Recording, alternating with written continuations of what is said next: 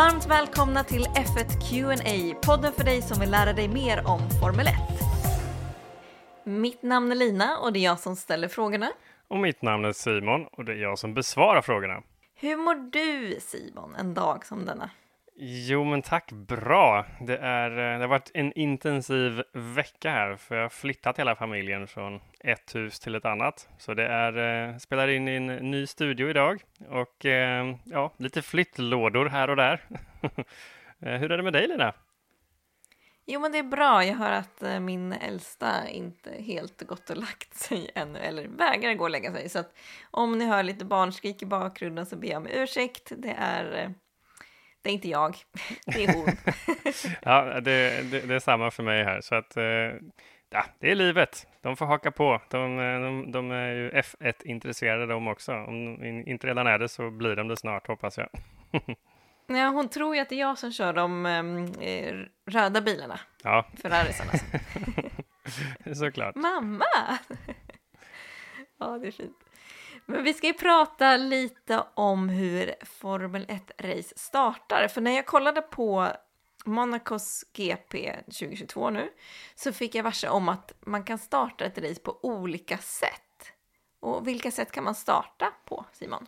Ja, men man kan starta på, på två olika sätt egentligen. Antingen som man normalt gör, eh, så kallad stående start eller standing start, där alla bilarna står stilla Eh, och sen vid en given signal så får alla börja köra samtidigt. Eller som man då kanske mer normalt gör efter att man haft en säkerhetsbil ute på banan. Att alla bilar är i rörelse och när man ger startsignalen så att säga. Och det kallas för en, rullande start eller rolling start. Så de två kan man, kan man starta racet med. Så om vi går in lite mer på djupet, vad innebär en stillastående start? Ja, men den stillastående starten, det är som sagt den man använder normalt vid, vid varje F1-start och det används också alltid efter en röd flagg under ett race. Men det som händer då är att alla förare kör till sin ruta eller sin, sin grid slot som finns på start och målrakan och stannar bilen.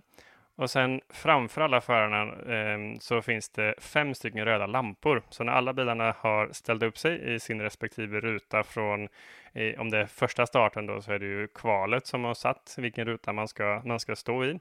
Så eh, tänds de här fem lamporna en efter en och sen när samtliga fem lyser så släcks de efter en eh, randomized timing, så det är lite olika tid på, på varje lopp. Och så fort lamporna släcks då får man köra iväg. Så det är en stillastående start i, i korthet. Men vänta, vad säger du nu? Att det är olika tider de släcks på? Alltså... Precis, så att man som förare, det är därför man övar, det har vi pratat om den tidigare, att man pratar om reaction, men de övar på reaktionsförmåga. Och en del i reaktionsförmågan är just starten, att eh, man då ska hinna reagera från att alla fem lamporna lyser och sen när de slocknar, då ska du så snabbt som möjligt släppa upp kopplingen och köra därifrån. Och eftersom att inte det ska vara någonting man ska kunna liksom veta när det sker, så ibland så lyser alla fem lamporna kanske 0,3 sekunder innan de släcks och ibland kanske de lyser hela två sekunder innan de släcks. Jag vet faktiskt inte om det finns någon minsta eller eh, längsta tid, men jag vet att det är en, eh, en slumpmässig tid varje gång vid varje start. Just att det ska vara på reaktion och inte på att man tajmar in det, eller man ska säga. Wow, vad, sp vad spännande! Mm, ja. Det inte som i Mario Kart, att det alltid är samma. Nej, precis. Man som kan räkna. En, två, tre, nu! Man hör den eh, signalen i huvudet, eller jag gör det.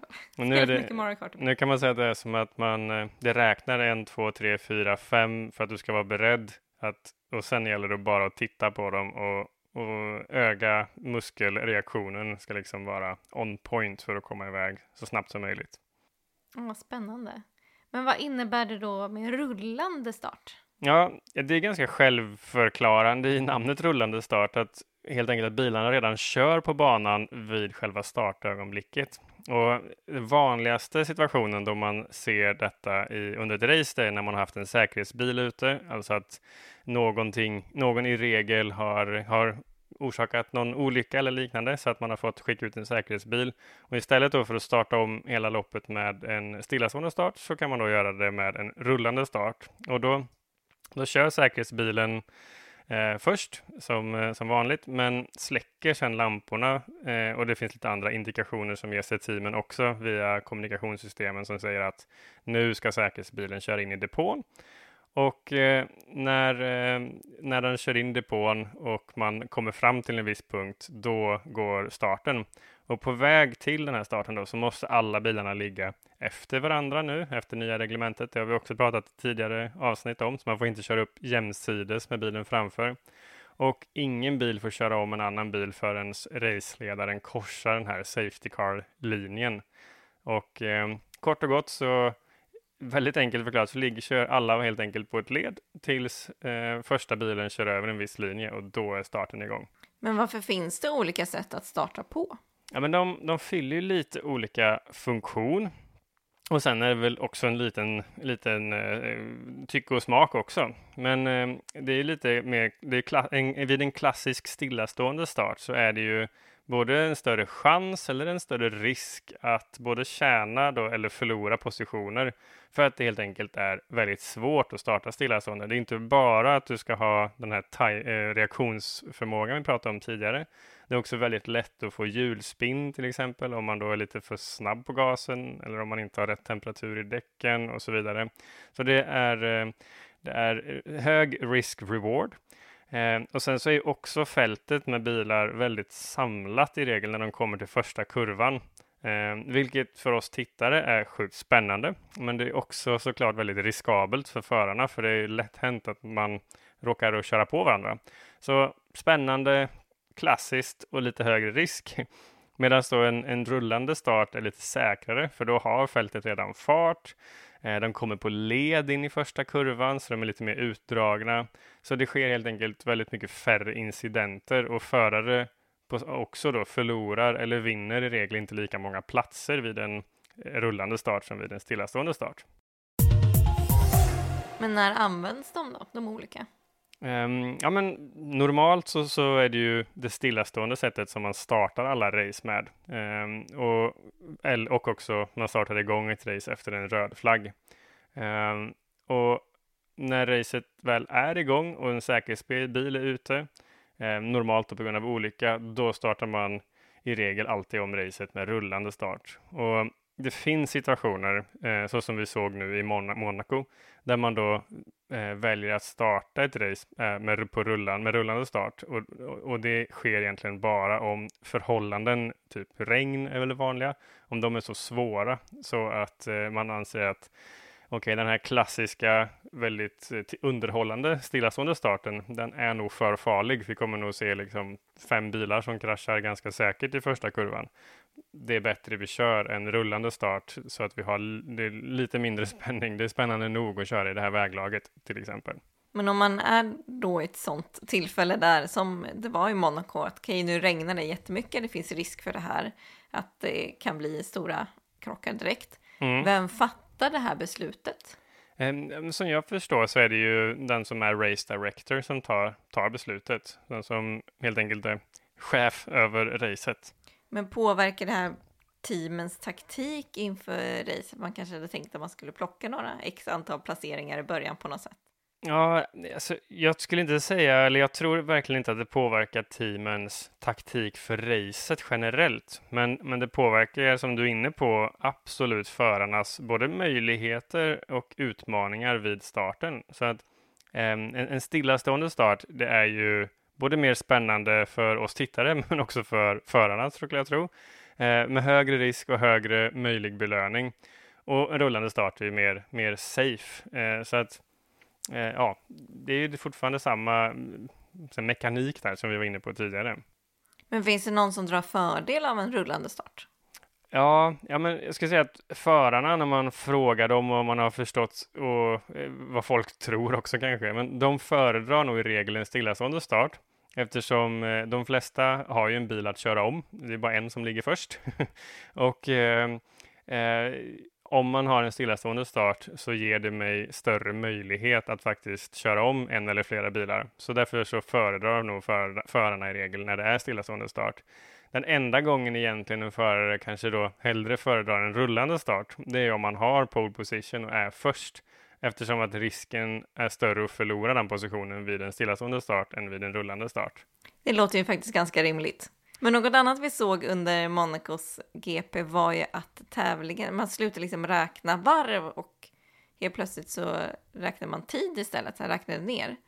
Mm. Alltså, finns det alltså en tidsgräns för ett eh, Formel 1-race? Ja, ja, men det finns faktiskt det. Um, ett, ett race så som reglerna ser ut kan inte pågå mer än två timmar. Så efter två timmar har gått så är racet slut då det nästkommande varvet har körts klart. Så um, efter två timmar då, var är det slut. Och det finns lite undantag kring den här regeln, till exempel vid, vid om, ett, om ett race rödflaggas, för då står ju alla bilar i depån och då lägger man på lite tid, så då kan racet vara tre timmar, eh, inklusive då tiden det har varit rödflaggat. Så eh, man kan säga att det helt enkelt klockan stoppar under röd flagg. Okej, men för, ja, jag tycker det var roligt att det var så här det var ett finger som pekade att så här, nu är det ett varv kvar, men var det någon som såg det där fingret i frågan? det såg så kul ut. ja, jag vet inte. Eh, men eh, om racet av olika anledningar blir kortare än förväntat, påverkar det poängutdelningen då? Det beror faktiskt på hur långt man, man hann köra på de här två timmarna. Um, för man har, och man har faktiskt ändrat det här just nu inför 2022. Um, ehm, jag vet inte om det är någon som såg förra årets eh, eh Grand Prix i Belgien vid Spa så var det ju lite dramatik där efter att man hade kört, kört lite, lite kort och det var eh, exakt det här som hände. Men i alla fall så som det gäller nu 2022 är att om man inte har hunnit köra klart ens två varv så delas inga poäng ut alls. Och sen har man delat in det i, i kan man säga, i tre nivåer innan det blir som vanligt med poängen. Så har man, in, har man kört över två varv men mindre än 25 procent av racet så får topp 5 poäng. Får vinnaren 6 och sen 4, 3, 2, 1. Och har man kört mellan 25 och 50 procent så får, jag tror vi ska se, det är topp 9 som får poäng då. Då är det 13, 10, 8, 6, 5, 4, 3, 2, 1. Och sen om man har kört 50 till 75 procent, då får topp 10 poäng, fast lite lägre poäng. Så det är 19, 14, 12 och ner till 1. Och sen om man har kört då över 75 procent av racet, då är det som vanligt. Så de flesta race som avbryts så är det ju ofta precis på marginalen att man kanske vill kapa några få varv i slutet. Så då kommer det ju bli poäng som vanligt. Men med det här systemet så har man ändå hedgat så att om det blir att man inte kör så mycket så, så, så, så blir det mindre poäng. Så det vi såg i Monaco var ändå att det var i mer än 75 procent, så att det, poängen delades ut som vanligt? Ja, ja men precis. Och man vill ju inte att ett lopp som, där det bara har körts ett varv eller två ska betyda lika mycket i den totala F1-serien rent poängmässigt som ett lopp som har körts hela loppet. Det, det är liksom inte helt, helt fair. Då blir det ju mer, mer tur än skicklighet skulle jag säga. Ja, men det låter ju faktiskt ganska rimligt. För hade du något exempel på det? Du nämnde Belgien ja, året. Ja, men precis. Där delade man ju ut halva poäng eh, på racet, fast att man bara körde ett varv och det varvet var bakom säkerhetsbil. Man tänkte starta bilen, eh, loppet bakom säkerhetsbil, så förarna körde ut bakom säkerhetsbilen från depån eh, och sen så efter ett varv så bara, nej, vi skiter i det här. det är för mycket regn. Och så fick ändå förarna halva poängen och det var ju lite, ja, det fick helt enkelt ganska mycket kritik för att är man verkligen värd det när man inte ens har kört ett riktigt racevarv. Nej, för man får väl inte köra om när det är säkerhetsbil? Nej, nej, nej, precis. Det blir ju jättekonstigt. Jag fattar att det blev ramaskri. Ja, exakt. Och så såg man hela resten av säsongen en del förare med halva poäng också. Det är lite ovanligt. ja, just det. Var det därför? Ja, ja. Se, ja. Alla som Man lär sig så mycket Simon. All som, alla som inte hade något som var jämnt delbart på två fick ju komma fem i sina totalscore sen. Det följde ju såklart med för man kan ju inte få 0,5 procent poäng någon annanstans. Så då hade du det sen resten av säsongen. Oh, wow, alltså jag lär mig så mycket. Det, det är så bra att jag har dig och att vi har den här podden så jag får möjlighet att ställa alla sådana här frågor. Så jag hoppas också att du som lyssnat också har tagit med dig någonting. För jag tänker att vi, vi rundar av podden så här. Um, och så finns ju såklart andra avsnitt att lyssna på om du vill det. Om du inte har lyssnat i kapp. Annars så kan du jättegärna ställa frågor till oss på våra sociala medier. Där finns vi både på Instagram och Twitter och där heter vi F1QNA. Om du tycker att ja, men det här ämnet tycker jag ni ska ta upp i podden så eh, lyssnar vi och eh, tar in den feedbacken. Absolut, vi tar gärna tips. Det är bara kul, och, kul att få lite inspiration. Verkligen. Men vi säger så så länge så får du som lyssnar och du Simon ha det så bra. Så Men hörs tack. vi. Ha det så bra. Hej då. Hej hej!